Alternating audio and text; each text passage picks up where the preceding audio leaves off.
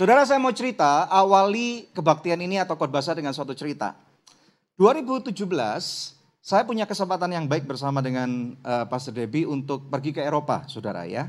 Pergi ke Eropa tentunya menyenangkan sekali uh, melihat ada hal-hal yang luar biasa dan salah satu tujuan utama kami pada waktu kami tur ke Eropa itu adalah khotbah, saudara. Kami diundang untuk khotbah di Belanda, kemudian juga sempat bertemu dengan beberapa orang Indonesia yang ada di Paris, ada di Belgia, saudara menarik sekali.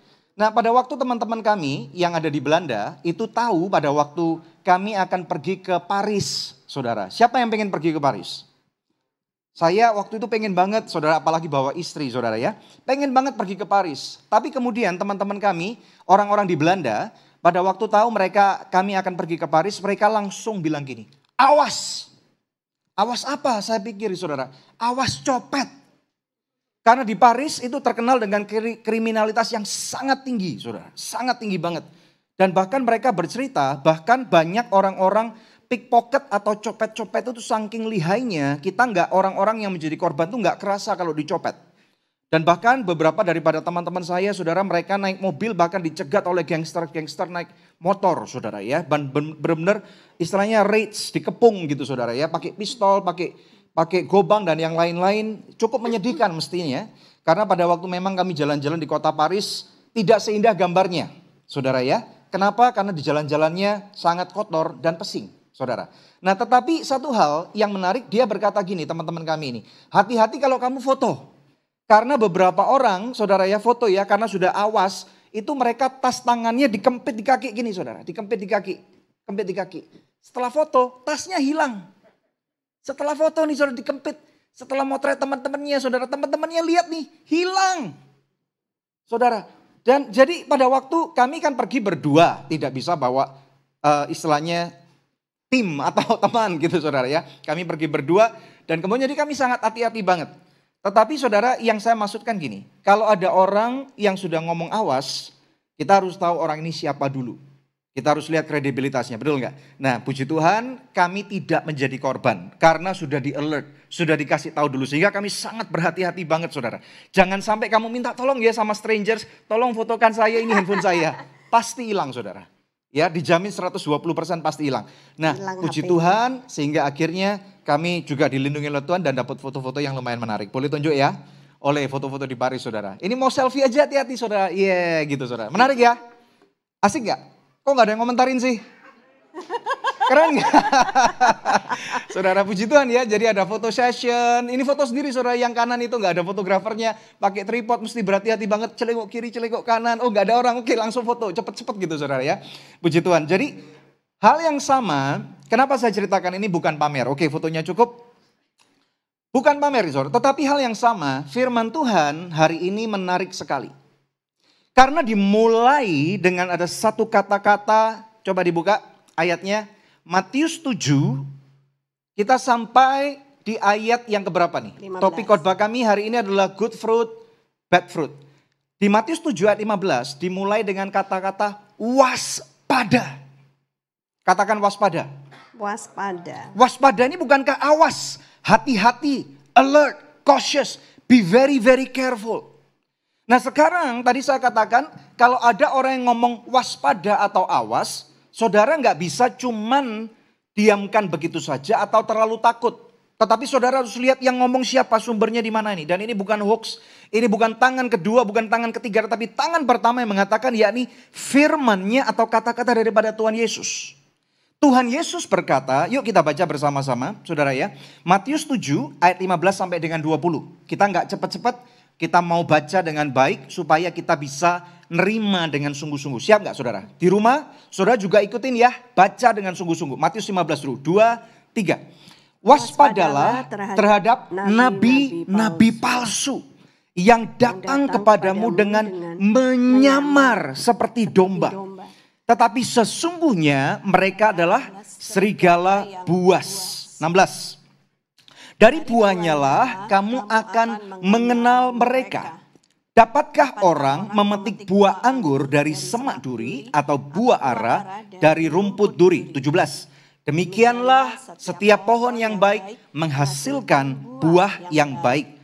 Sedang pohon yang tidak baik menghasilkan buah yang tidak baik. 18. Tidak mungkin pohon yang baik itu menghasilkan buah yang tidak baik ataupun pohon yang tidak baik menghasilkan buah yang baik. Ayo keras. 1920. Siap? 23. Dan setiap pohon yang tidak menghasilkan buah yang baik pasti ditebang dan dibuang ke dalam api 2023. Jadi dari buahnya lah kamu akan mengenal mereka. Haleluya. Ya, puji Tuhan saudara ya. Jadi kalau kita sudah diperingati awas hati-hati, waspada. Itu berarti kita harus benar-benar memperhatikan supaya jangan sampai kita menjadi korban dari yang disebut nabi-nabi palsu atau guru-guru palsu ini saudara ya. Nah kita lihat ya saudara bahwa uh, di dalam hidup ini setiap perkataan atau setiap perbuatan yang kita lakukan itu merupakan buah dari hati kita. Nah, kita akan lihat ya, jadi buah macam apa yang dihasilkan Ketika kita belum mengenal Yesus, hati kita itu kotor, hati kita penuh amarah, penuh kedengkian. Tapi setelah kita mengenal Yesus, hati kita dirubah. Kita dikasih hati yang baru. Ada amin saudara ya. Yang dulunya hati ini keras seperti batu. Sama Tuhan Yesus sekarang dikasih hati yang lembut. Hati yang terbuat dari daging gitu saudara ya itu yang dikatakan oleh firman Tuhan. Nah jadi dari hati yang sudah diperbaharui ini harus keluar buah-buah yang baik tentunya. Nah buah ini bicara tentang apa Pak Daniel, Bu Debi gitu ya. Buah ini yang pertama bicara tentang karakter kita. Yang kedua berbicara tentang anak-anak kita baik anak jasmani maupun anak rohani. Jadi dalam hidup ini kita harus memperhatikan karakter kita ini seperti apa. Tapi juga tidak boleh lupa, kita harus memperhatikan anak-anak kita, baik anak-anak jasmani maupun anak-anak rohani, karena mereka ini adalah buah dari kehidupan kita. Yang pertama, kita akan bahas terlebih dahulu, saudara, ya, tentang uh, karakter. Nah, saudara, kalau kita ngomong tentang karakter, itu tentunya ada karakter yang baik dan ada karakter yang tidak baik. Sama seperti buah, ada buah yang baik dan ada buah yang tidak baik. Ya, buah yang baik itu yang yang manis, ya kan saudara, yang enak dimakan, ya. Tapi kalau buah yang tidak baik itu seperti apa? Ini ngomong buah dulu ya. Yang busuk, lalu asem, terus dalamnya ada uletnya. Itu baik apa nggak baik? Ya, tentu kita nggak mau makan buah-buahan yang seperti itu, ya kan? Nah, jadi dari sini kita bisa lihat dalam hidup kita juga seperti itu. Buah yang baik itu adalah perbuatan daging, tapi buah yang sorry, buah yang tidak baik itu adalah perbuatan daging, tapi buah yang baik itu adalah buah roh yang mana kita akan belajar lebih lanjut pada hari ini. Oke saudara, kalau kita lihat comparison ini, menurut saudara mana yang enak dilihat? Ini dulu saudara. Yang enak dilihat tentunya buah yang baik, betul nggak? Nomor dua, mana yang enak dimakan? Saya nggak tahu dengan saudara, tentunya kita akan tidak mau makan buah yang busuk. Iya. Buat apa saudara? Bukannya sehat tetapi kita akan sakit, kita akan keracunan. Bisa-bisa very harmful, kita bisa mati, betul nggak? Nah saudara, buah yang uh, kalau buah kan lebih gampang ya. Kecuali kalau misalnya buahnya dalamnya pada waktu dikoncek ada ulernya, ada jamurnya, busuk saudara itu baru lain cerita. Tetapi kalau sudah kelihatan daripada luar, saya percaya saudara akan menghindari sesuatu yang tidak baik. Saudara akan menghindari sesuatu yang busuk. Nah kita berikan analogi buah ini saudara karena dengan mudah roh kudus atau firman Tuhan, Rasul Paulus menuliskan perbandingan antara perbuatan daging tadi dengan buah roh. Oke, kita lihat terlebih dahulu Galatia 5 ayat 19 sampai dengan 21. Ya, kita baca bersama-sama saudara ya. Ini buah yang buruk dulu. Dua, tiga. Perbuatan, daging, telah nyata, yaitu percabulan, kecemaran, hawa nafsu, penyembahan berhala, sihir, perseteruan, perselisihan, iri hati, amarah, kepentingan diri sendiri, percideraan, roh pemecah kedengkian, kemabukan, pesta pora, dan sebagainya. Terhadap semuanya itu kuperingatkan kamu, seperti yang telah kubuat dahulu, bahwa barang siapa melakukan hal-hal yang demikian, ia tidak akan mendapat bagian dalam kerajaan Allah. Ya saudara, jadilah firman Tuhan ini seperti cermin kita. Kita harus tahu saudara, sebagai anak-anak Tuhan, kita punya satu cermin yang very very powerful. Kita tidak perlu berkata mirror, mirror on the wall. Who is the fairest of all? Siapa yang paling cantik, paling tampan, paling bodinya luar biasa di muka bumi ini saudara. Tapi pada waktu engkau memandang firman Tuhan, saya berdoa selagi tadi firman Tuhan dibacakan saudara screening atau berkaca kepada diri saudara. Dan tentunya firman Tuhan adalah pedang bermata dua. Pada waktu kami membacakan demi saudara, untuk saudara, firman ini juga untuk kami. Supaya kita juga sama-sama memeriksa hati dan diri kita. Yang percaya katakan amin. Haleluya. Amin.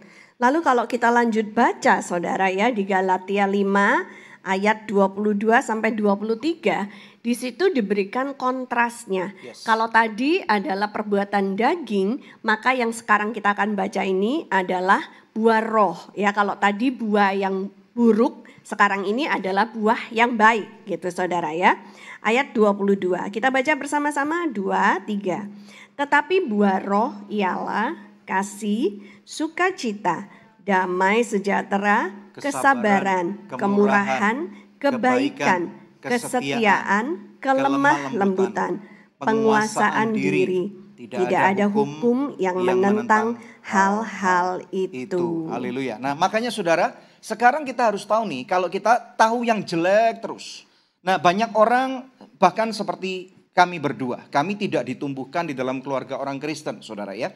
Ada masanya di mana keluarga kami meninggalkan Tuhan dan kami dibesarkan dengan istilahnya tidak kenal apa itu firman Tuhan. Seringkali orang-orang seperti kita, saudara ya, tidak tahu apa yang benar. Perbuatan baik belum tentu benar. Katakan perbuatan baik belum tentu benar.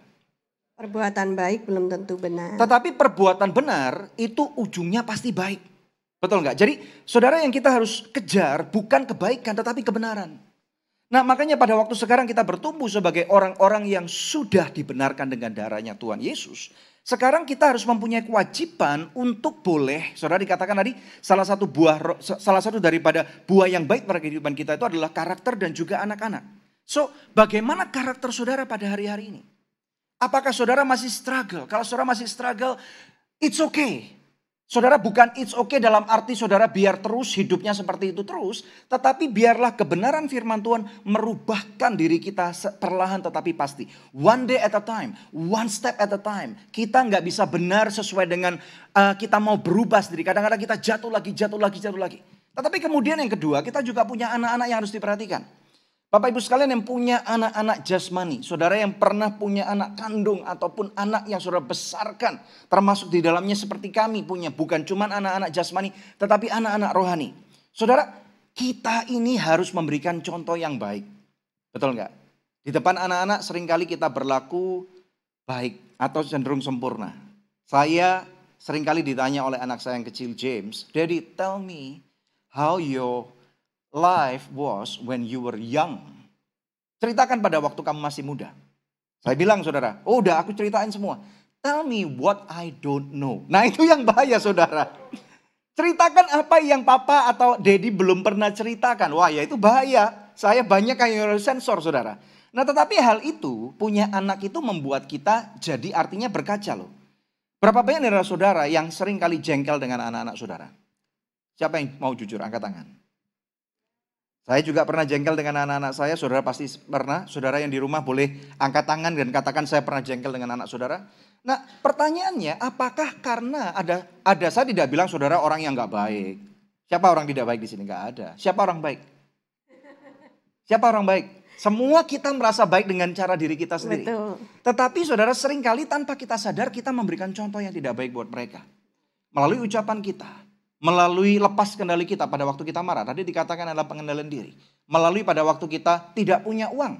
Bagaimana reaksi kita? Atau pada waktu uang kita mulai menjadi banyak. Kita udah mulai punya posisi. Haleluya. Ya. Nah saudara, kalau anak-anak jasmani itu adalah buah dari pernikahan kita.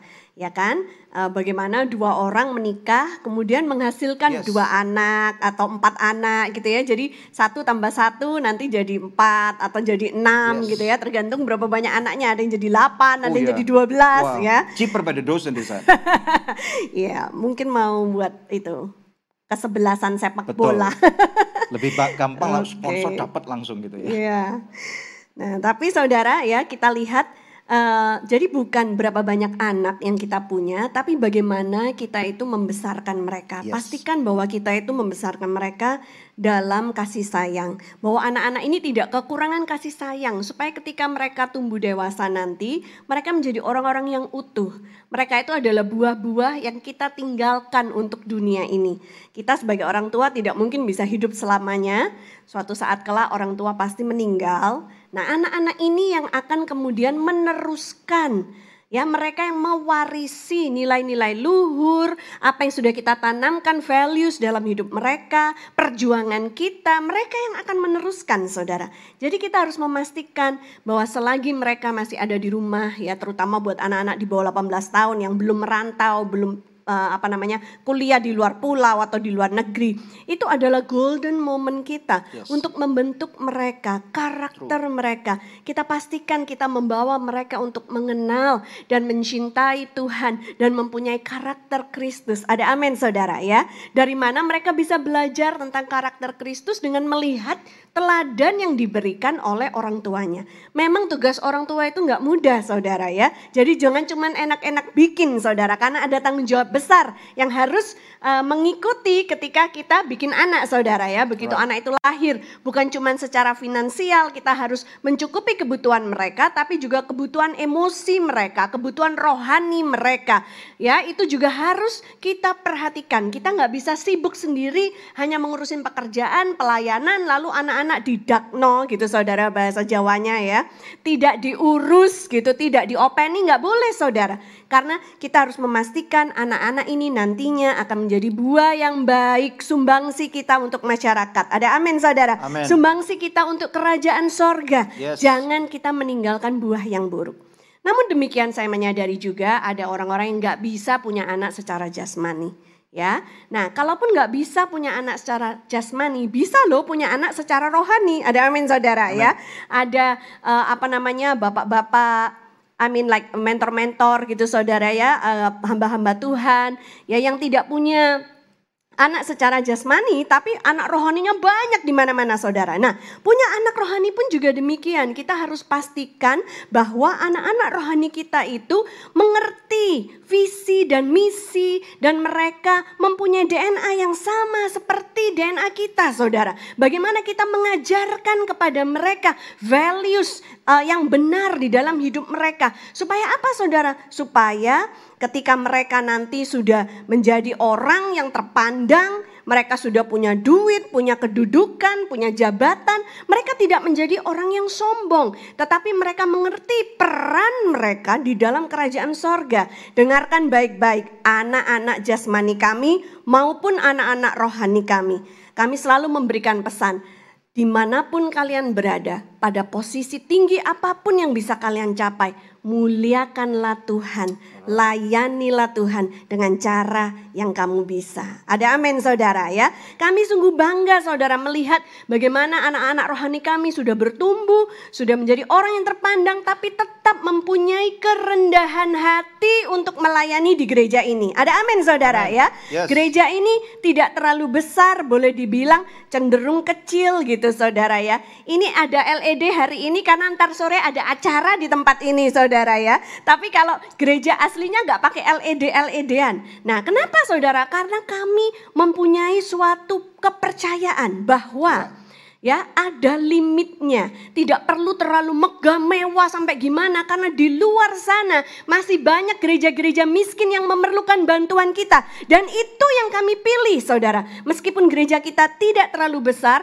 tetapi dampaknya sangat besar bagi kerajaan sorga dan ini adalah nilai-nilai yang kita pegang bukan memperkaya diri kita sendiri, bukan mempermewah eh, gereja kita sendiri tapi kita memperhatikan supaya ada keseimbangan di dalam tubuh Kristus. Dan kami sungguh berharap anak-anak kami baik yang jasmani maupun yang rohani mereka akan meneruskan perjuangan kami ini sampai kapan pun. Ada amin saudara, mana Haleluya. suaranya? Berikan kemuliaan yang paling meriah buat Tuhan. Haleluya, puji Tuhan. Haleluya.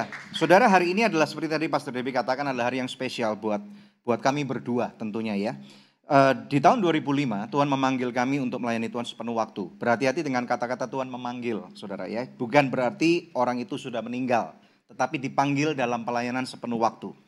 Tuhan memanggil kami, saudara pada waktu kami relatif jauh lebih mudah. Saya rasa eh, kalau misalnya Tuhan memberikan panggilan itu hari-hari ini tentu akan lebih sukar. Karena lebih tua, lebih banyak umur, lebih banyak tanggung jawab, lebih banyak consideration. Mungkin lebih mau istilahnya tinggal di zona yang aman, bukan belum tentu zona nyaman, saudara. Tetapi pada waktu panggilan itu diberikan kepada kami pada waktu kami jauh lebih muda, waktu itu saya berumur hampir 31 tahun dan istri saya berumur 30 tahun, kami katakan yes sir, all out for Jesus gitu saudara ya.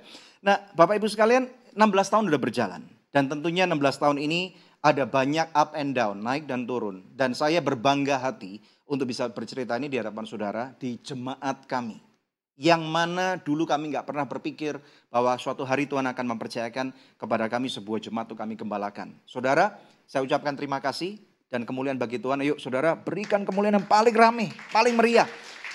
You can do better than this, saudara. Ayo, kayak saudara kalau ada nonton sepak bola, gol itu loh, ayo, menyala gitu saudara. Ya, haleluya. Saudara, nanti malam saya mau undang saudara.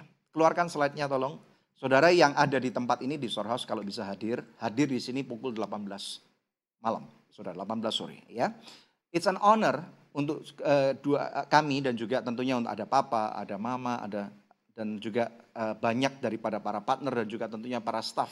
Saudara ya, para rekan sekerja Tuhan yang bersama-sama sudah ikut membangun pelayanan ini.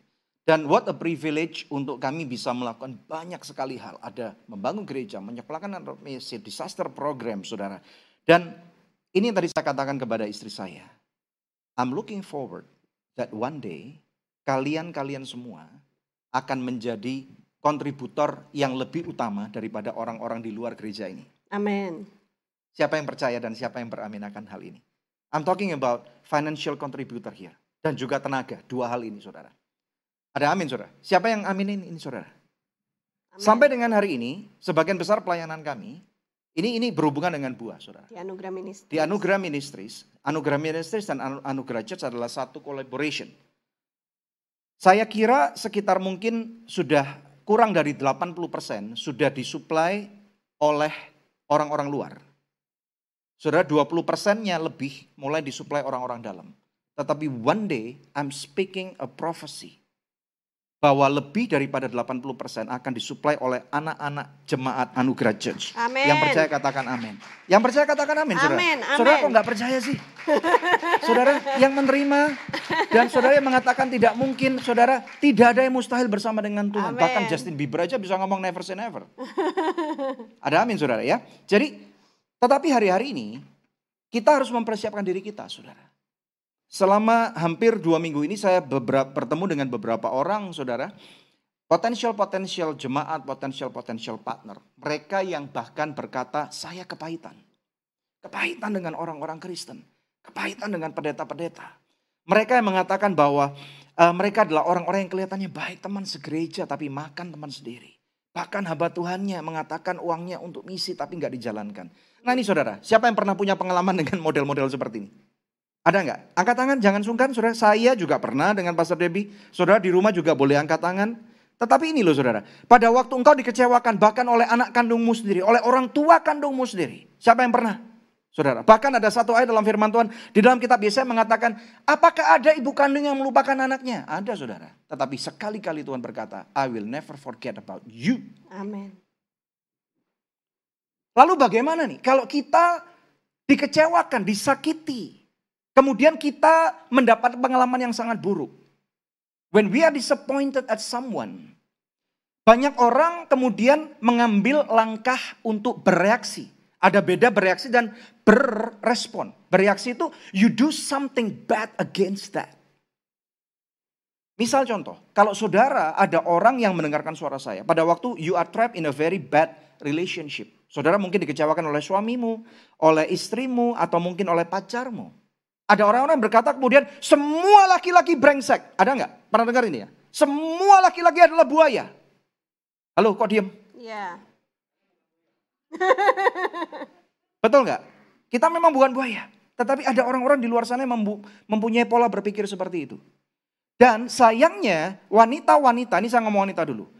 Yang dikecewakan oleh para pria, mereka mengambil reaksi yang buruk dan menjadi lesbian. They do something against the word of God karena mereka tidak percaya dengan laki-laki. Demikian pula dengan laki-laki yang dikecewakan oleh papanya, oleh mamanya, atau oleh istrinya. They turn something to react against the word of God. Menjadi para homoseksual. Pernah dengar ini ya? Banyak sekali saudara. Banyak orang yang dikecewakan dan kemudian mengambil satu sikap yang tidak baik Padahal pada waktu kita dikecewakan dengan seseorang, itu cuma oknum beberapa persen atau satu orang itu. Yang kulpritnya atau provokatornya atau yang jahat. Yang lain belum tentu. Tetapi hari ini kita punya kesempatan untuk dengar firman Tuhan. Dan biarlah saya berdoa firman Tuhan akan mengoperasi hati kita sekalian. To operate. Untuk memeriksa, membersihkan luka-luka batin saudara. Siapa yang mau diobati oleh Tuhan? Angkat tangan saudara yang pernah terluka, yang pernah dikecewakan bahkan oleh orang tua kandungmu, oleh bapak rohanimu, ibu rohanimu, kakak rohanimu. Saya kadang-kadang agak geli dengar ini rohani, itu rohani, bapak rohani. Saudara, saya geli terus terang. Udah deh, biasa-biasa aja. Tetapi yang penting kita hidup dengan kebenaran firman Tuhan. Bahkan oleh pacarmu, oleh suamimu, istrimu, bahkan oleh kakek, saudara, siapa pun juga. Lihat kepada Tuhan Yesus. Jangan punya sikap yang terus-menerus negatif terhadap pengalaman buruk. Jaga hati agar tidak kepahitan terus-menerus. Ada amin saudara. Tepuk tangan dulu buat Tuhan Yesus saudara ya. Dan bila kamu disakiti atau ditipu oleh orang Kristen tidak berarti semua orang Kristen jahat. Pandang Tuhan Yesus. Dengan cara demikian kita akan bisa memastikan bahwa sampai akhir hidup kita, kita tetap ikut Tuhan Yesus. Gak Amen. peduli apa yang dilakukan oleh orang Kristen, bukan Kristen. Yes. Kita tetap menjadi murid Yesus Woo. yang percaya katakan amin. Sorak-sore buat Tuhan saudara ya. Puji Tuhan saudara, haleluya. Nah saudara, kemudian kita akan lanjut ya. Kita masuk ke poin yang kedua. Jadi kalau tadi kita udah bahas tentang buah itu apa ya. Sekarang yang kedua, beware of false prophet ya. Kita harus berhati-hati, awas nabi palsu ya. Kita perlu cek keseimbangan. Banyak orang itu terkesima dengan dengan karisma yang bisa dipunyai oleh seorang hamba Tuhan. Saudara, ketika seorang hamba Tuhan naik ke atas mimbar, kemudian berkhotbah, karena ada urapan dari Roh Kudus ya saya bilang bahwa wow kelihatan wajahnya glowing gitu ya. Kelihatan ganteng, kelihatan cantik gitu saudara. Tapi nanti kalau udah turun dari panggung biasa aja gitu loh saudara ya. Nah itu bisa seperti itu karena ada karisma yang menyertai mereka. Tapi kita harus tahu bahwa bukan cuman karismanya aja yang diperbesar. Karakternya juga harus diperhatikan. Banyak hamba-hamba Tuhan yang karismanya luar biasa. Pelayanannya melanglang dunia saudara ya. Uh, dan gede sekali mempunyai ministris yang luar biasa. Banyak orang kagum kepadanya.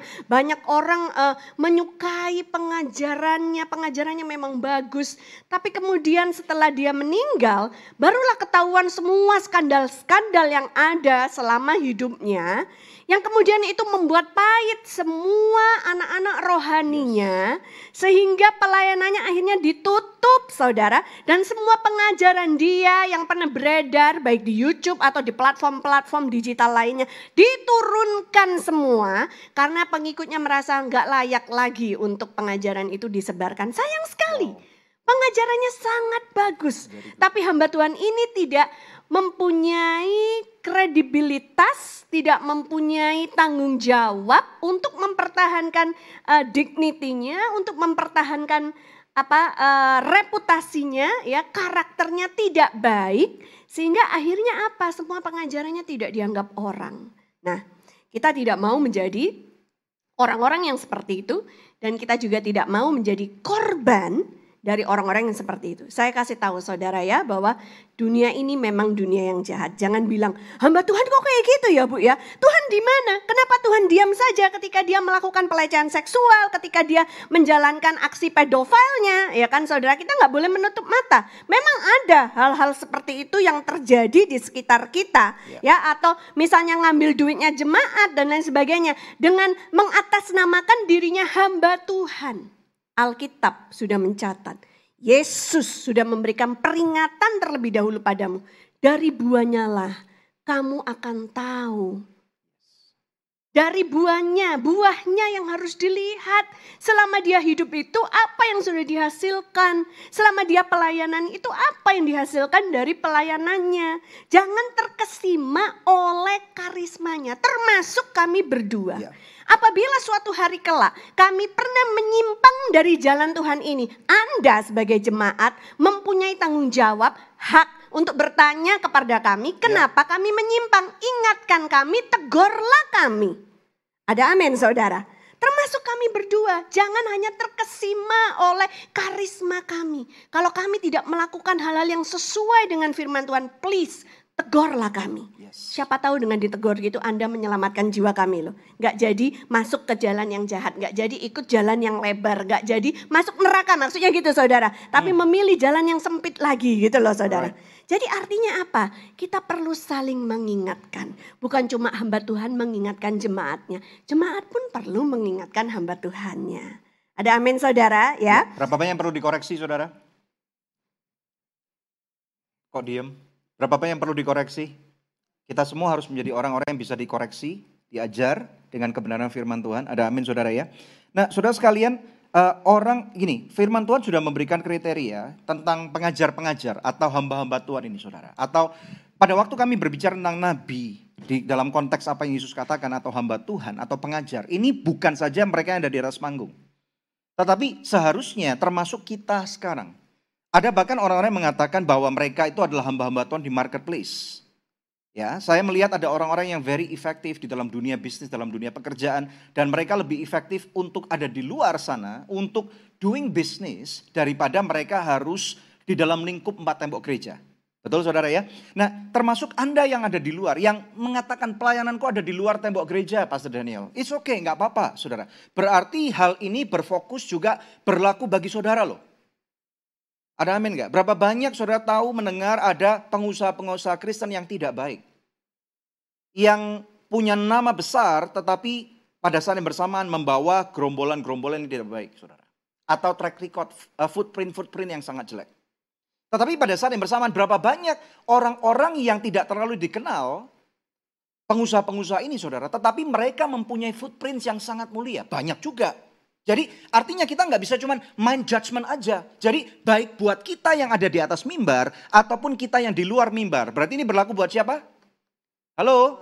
Berlaku buat siapa? Semua orang. Buat saya, katakan buat saya. Buat saya. Anda yang di rumah katakan ini juga berlaku buat saya. Jangan mudah cuman mengkoreksi orang lain. Salah satu flow karakter flow atau masalah karakter manusia kita sebagai manusia adalah kita terlalu mudah mengkoreksi orang lain tetapi kita gagal mengkoreksi diri sendiri. Betul nggak? Nah, kalaupun ada orang-orang yang sudah jatuh di dalam dosa, saya, kami uh, tidak sempurna, tapi kami pernah bertemu dengan hamba-hamba Tuhan atau berteman dengan hamba-hamba Tuhan yang juga jatuh dalam dosa.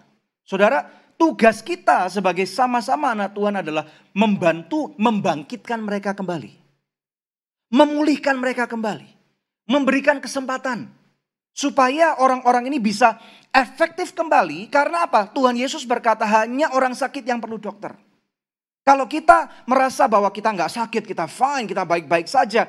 Kemarin di morning devotion saya memberikan contoh. Orang Farisi datang ke bait Allah. Saudara mereka berkata, aku tidak seperti pemunjuk cukai itu yang memukul-mukul dirinya laknat aku andum aku jelek aku tidak baik Tuhan celaka aku bagaimana aku bisa diselamatkan Tuhan kemudian gak lama kemudian ada pemungut ada ahli Taurat mengatakan Tuhan aku nggak seperti orang itu. I'm righteous. Aku benar. Aku hambamu. Aku udah apal 613 uh, hukum Taurat. Aku nggak ada cacatnya. Nggak seperti orang itu Tuhan yang cacat, laknat, tidak berguna. Aku bahkan memberikan keuanganku dengan luar biasa. Dan Tuhan Yesus bertanya kepada murid-muridnya, di antara dua itu, yang satu hatinya hancur, yang satu self-righteous, mana yang keluar dari uh, rumah ibadah dibenarkan di hadapan Tuhan. Yaitu orang yang hancur di hadapan Tuhan. Saya berdoa biarlah ada orang-orang yang mendengarkan firman Tuhan ini, hatinya hancur di hadapan Tuhan. Tuhan tolong aku, aku nggak bisa melangkah menjadi orang baik kalau tanpa engkau. Ya, di Tuhan. Nah saudara jadi uh, kembali kepada nabi-nabi palsu ini saudara kita harus bisa melihat dari buahnya. Kalau fokus mereka untuk melayani adalah untuk kepentingan diri sendiri, ya, maka saudara tahu dari buahnya itu bahwa dia bukan uh, hamba Tuhan yang baik. Tapi kalau hamba Tuhan yang baik itu pasti akan memuridkan orang, making disciples yes. ya untuk Yesus dan kemudian menggunakan karisma mereka, karunia mereka itu untuk kepentingan orang lain. Bagaimana hidupku bisa menjadi berkat untuk orang lain? Apa yang bisa aku lakukan untuk memberikan nasihat padamu atau berdoa bagi kamu ya. Jadi fokusnya bukan pada dirinya tetapi pada jemaat yang dilayani, pada orang-orang di sekitarnya ya. Lalu bagaimana bisa memimpin orang yang belum kenal Yesus sampai kenal Yesus. Ya saudara, kemudian bagaimana dia bisa mengasihi orang-orang yang dia layani. Itu semua bisa kita lihat saudara. Nah kalau ada kejanggalan-kejanggalan ya saudara harus awas dan waspada. Kalau saudara bisa tegur hamba Tuhan tersebut, tegur, tanyakan kepada mereka. Kalau tidak bisa, doakan mereka. Ya, puji Tuhan saudara ya. Seperti yang ada tertulis di Matius 28 ayat 19. Karena itu pergilah, jadikanlah semua bangsa muridku dan baptislah mereka dalam nama Bapa dan Anak dan Roh Kudus. Ada amin saudara. Ini amen. adalah tugas seorang hamba Tuhan ya secara khususnya tapi juga kita semua sebagai anak-anak Tuhan punya tugas ini saudara ya. Kita harus bisa menjadikan semua bangsa murid kita. Ya. Mainkan peranan kita. Ya kalau kita nggak bisa berangkat tapi kita bisa menitipkan sesuatu, kita bisa membantu supaya pelayanan misi itu bisa berjalan dengan baik. Ada amin saudara. Ada orang yang diutus, ada orang yang mengutus. Untuk mengutus itu diperlukan apa? Doa, daya, dana. Ya saudara, bisanya di mana? Saudara bantu apa yang saudara bisa. Ya. Karena ini adalah PR kita bersama. Ada amin saudara? Jemaat ACS yang mau mana lambaikan uh, tangannya. Haleluya. Yang di rumah yang mau juga lambaikan tangan ya. Ketik di kolom chat. Oke. Okay. Haleluya. Yuk kita masuk poin yang ketiga. Ini poin yang terakhir. Ini penting banget saudara. Yaitu kita harus self assessment. Kita harus periksa diri, koreksi diri. Ya, tadi sudah banyak kami katakan bercermin, saudara. Tetapi sekarang waktunya secara more than specific. Minta Roh Kudus, ask the Holy Spirit to reveal apa yang ada pada hati kita. Saudara, kita lompat kepada satu ayat yang mengatakan, saudara ya di dalam uh, Matius. Matius mengatakan gini saudara ya, alright. Di dalam Matius mengatakan, Tuhan Yesus berkata, isi hati manusia siapa yang tahu? Karena di dalam hati manusia ada kekecewaan, tidak ada yang tahu. Ada kedegilan, nggak ada yang tahu. Ada kejahatan, nggak ada yang tahu. Ada iri hati, nggak ada yang tahu. Ada dengki, ada percabulan, nggak ada yang tahu, betul nggak? Yang tahu cuma diri kita sendiri. Makanya kita minta Roh Kudus untuk menunjukkan kepada kita apa sih isi hati kita. Haleluya. Maksudnya gini saudara, pada waktu kita mempunyai satu relationship dengan roh kudus, seharusnya roh kudus akan berbicara dengan keras sekali. Aneh saudara ya, ini ini ini kontradiksi atau paradoks. Suara yang keras sekali melalui the still small voice. Haleluya. Ada satu perasaan yang kayaknya kok nggak bener ya ini. Minta roh kudus tunjukkan. Kalau ada teman-teman yang nawarin sesuatu yang yang kayaknya enak, kayaknya asik, kayaknya frugal gitu, kayaknya kayaknya keren banget bagi orang-orang yang ada kebanyakan. Tetapi Roh Kudus memberikan satu perasaan nggak nyaman. Get out of that room. Keluar dari ruangan itu. Keluar dari kerumunan itu. Bahkan saudara. Ada amin nggak? Kalaupun kita misalnya terjebak, mundur, segera lari. Sama seperti Yusuf, saudara. Haleluya. Ya, jadi artinya kita semua sudah kehilangan kemuliaan Tuhan. Ini kita harus ingat. Makanya kita tidak bisa asal cuman mengkoreksi orang lain. Kita semua sudah kehilangan kemuliaan Tuhan. Tidak satu pun sebenarnya firman Tuhan mengatakan kita ini benar di hadapan Tuhan. Betul nggak? Ya. Kalau kita nggak benar di hadapan Tuhan, maka kita perlu kasih karunia-Nya. Kita perlu juru selamat, Yesus Kristus yang menyelamatkan kita dan membenarkan kita dan melayakkan kita dan menyucikan kita. Yang percaya katakan amin saudara. Sorak-sorai dulu buat Tuhan Yesus saudara ya. Dengan upaya kita sendiri nggak mungkin bisa saudara. Ayat-ayat yang tadi kita baca iri hati aja nggak boleh. Ngaku jujur sama saya. Berapa banyak di antara kita yang kalau ngelihat Insta- Instagram orang lagi jalan-jalan ke luar negeri ke mana bagus-bagus mobilnya bajunya eh, tidur di hotel yang mewah bintang 5 berapa banyak di antara kita yang ngiri? Kok aku nggak bisa ya kayak gini? Ih sebel deh gitu. Ayo ayo berani ngaku nggak? Ya. kan saudara? Iri hati aja nggak boleh ada dalam hati kita saudara. Jadi bu terus gimana kalau ngelihat yang begitu terus-terusan?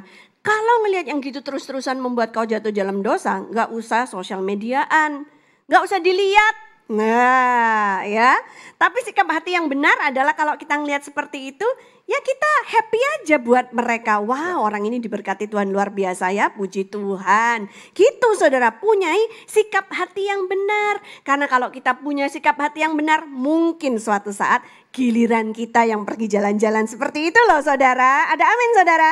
Ya? Kok nggak ada amin sih? Haleluya. Saudara di dalam kitab Roma 11 secara singkat aja di ayat 16 sampai dengan 17. Tadi dikatakan kan kita tidak ada satupun yang eh, benar di hadapan Tuhan, tetapi kita ini adalah produk yang dibenarkan. Saudara, di ayat ini dikatakan kamu sebagai tunas liar.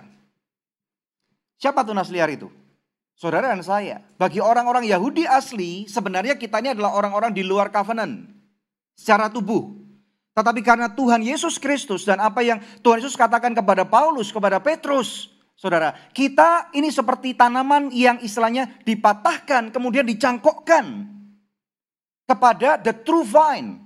Kepada tanaman olive atau zaitun yang benar. Makanya kita nggak boleh sombong nih pada waktu kita bahkan punya kesempatan privilege dilahirkan di dalam keluarga Kristen atau bahkan menjadi ama, anak hamba Tuhan sekalipun. Kita ini everything is by grace. Tuhan Yesus adalah pokok anggur yang benar dan dia adalah the true vine. Kalau Tuhan Yesus berkata dan dikatakan di ayat itu yang saya garis bawah. Dan turut mendapat bagian di dalam akar pohon zaitun yang penuh getah. Kalau pohonnya itu masih bergetah, berarti pohon itu ada kesempatan untuk hidup kembali. Betul nggak? Tuhan Yesus itu akar yang sesungguhnya, bukan saudara dan bukan saya. Kalau kita bisa menjadi besar, menjadi luar biasa, katakan kemuliaan hanya pada Tuhan. Saya nggak ada apa-apanya. Katakan, saya the truth of the matter sebenar-benarnya adalah produk gagal. Tetapi Tuhan Yesus yang membuat saya ini artinya apa ya? Ada satu kata-kata mengatakan Tuhan Yesus itu pemulung loh. Hmm. Dan banyak orang kaget, kok Tuhan Yesus dikatakan pemulung? Karena saya ini seperti sampah, kemudian dipulung dan dipulihkan oleh Tuhan. Yang percaya katakan amin. Amin, Haleluya. Puji. Tuhan. Ya, jadi saudara di poin yang ketiga ini tentang self assessment, kita perlu melihat diri kita sendiri. Seringkali kita suka nunjuk, "Eh, itu loh pengajar palsu, eh, itu loh nabi palsu" gitu saudara ya. Oh, itu loh nggak bagus buah hidup mereka itu gitu ya saudara. Tapi bagaimana dengan diri kita sendiri? Ingat saudara ya, ketika kita nunjuk satu jari kepada orang lain, tiga jari itu nunjuk kepada diri sendiri loh saudara ya. Bagaimana dengan diri kita sendiri? Apakah kita sudah memastikan bahwa buah-buah yang dihasilkan dalam hidup kita ini adalah buah-buah yang baik?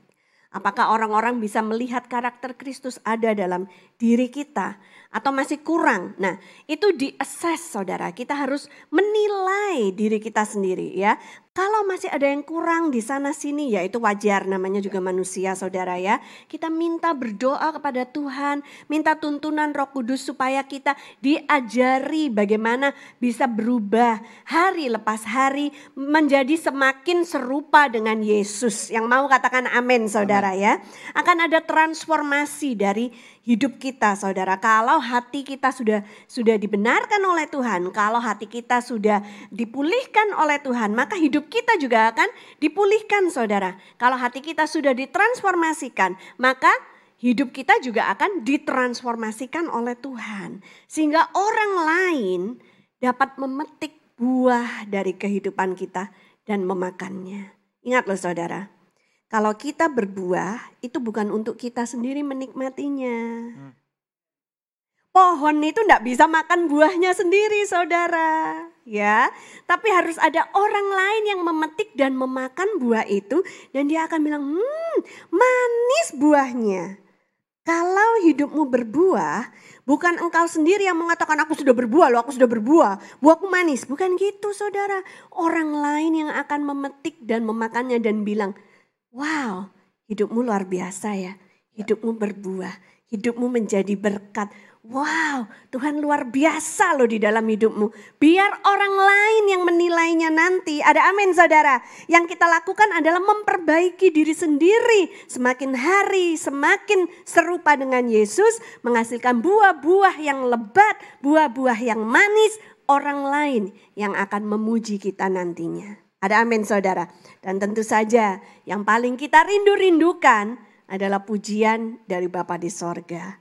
Ketika nanti kita sudah menutup mata, kita kembali ke rumah Bapa. Bapa bilang, well done, my good and faithful servant. Baik sekali, hambaku yang baik dan setia. Amin saudara. Sorak-sorai dulu buat Tuhan Yesus saudara. Amin. Saya undang tim memuji untuk kembali ke tempatnya pemain keyboard terutama. Saudara, pertanyaan terakhir. Caranya bagaimana kita bisa punya buah yang baik? Siapa yang mau saudara? Setiap daripada kita mau punya yang baik, yang baik, ranum, enak dimakan, dan tentunya manis. Kalau yang suka, buah yang manis. Kuncinya ada di sini, saudara. Sebagai penutup, Yohanes 15, ayat 1 sampai dengan 5. Saya akan baca. Ini self-explanatory, saudara pasti akan mengerti. Tuhan Yesus berkata, aku baca ayat ganjil kamu genap ya. Firman Tuhan mengatakan, akulah pokok anggur yang benar, dan Bapakulah pengusahanya. Ayat 2, setiap ranting padaku yang tidak berbuah, dipotongnya, dan setiap ranting yang berbuah dibersihkannya supaya ia lebih banyak berbuah. Haleluya. Ayat 3. Kamu memang sudah bersih karena firman yang telah kukatakan kepadamu. Jadi ayat 3 ini berkata artinya kita harus hidup di dalam firman. Nggak bisa keluar dari firman. Ayat 4. Tinggallah di dalam aku dan aku di dalam kamu. Sama seperti ranting. Tidak dapat berbuah dari dirinya sendiri kalau ia tidak tinggal pada pokok anggur. Demikian juga kamu tidak berbuah jikalau kamu tidak tinggal di dalam aku. Ayat 5, baca bersama-sama saudara 2, 3. Akulah pokok anggur dan kamulah ranting-rantingnya.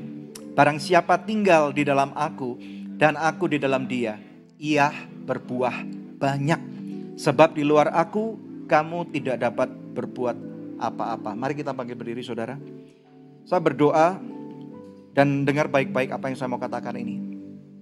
Ada banyak daripada kita dilahirkan dari keluarga-keluarga yang bahkan saya bisa katakan tidak baik. Tidak sedikit daripada orang-orang yang pernah saya temui itu tidak tahu siapa ayahnya, tidak tahu siapa ibunya. Bahkan ada banyak orang-orang yang dibesarkan dengan begitu kepahitan. Di dalam keluarga-keluarga yang broken homes, melihat contoh-contoh yang tidak baik, saudara boleh pejamkan mata saudara. Jadikan ini perenungan saudara. Ada orang-orang yang dibesarkan di dalam keluarga yang sangat brutal. Ayah pemabuk, ibu yang disfungsi, orang tua yang selalu main pukul, bahkan main tendang, bahkan umpatan, kata-kata kotor, makian, kutukan. Itu menjadi makanan sehari-hari. Dan hal itu sudah membuat engkau tidak berfungsi atau bahkan disable, cacat Hari ini ada kabar bahagia. Bahwa Tuhan memberikan restoring hope kepada saudara. Amin. Hanya melalui Tuhan, anak-anak korban gagal aborsi sekalipun. Orang yang sudah begitu pahit, bahkan saudara mungkin engkau berkali-kali mengalami kegagalan dalam rumah tangga. Engkau mengalami kegagalan dalam bisnis. Saudara, stop trying, berhenti mencoba tapi pandang Yesus. Pandang Yesus. Izinkan kami berdoa bagi saudara yang ada di dalam storehouse ini ataupun di rumah. Engkau yang tahu bahwa engkau perlu restorasi ini. Engkau yang tahu bahwa engkau perlu pemulihan dari Tuhan. Saudara boleh angkat tangan di mana engkau berdiri dan taruh saudara satu tangan di dada saudara. Firman Tuhan mengatakan aku dekat kepada orang-orang yang hatinya hancur. Tuhan Yesus kami perlu engkau. Kami produk yang sering kali mengecewakanmu, kami produk yang gagal Tuhan. Tuhan kami perlu Engkau. Perlu Engkau Tuhan. Seringkali kalau kami ngamuk, kami seenak sendiri. Seringkali Tuhan kalau kami memandang orang lain, kami begitu judgmental. Kami tidak suka untuk berubah. Kami nggak mau diatur. Kami nggak mau dekat dengan firman Tuhan.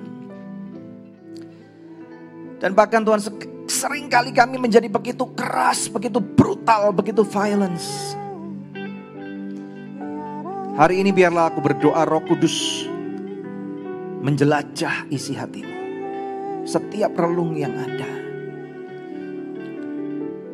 Dan apabila ada luka-luka yang ada.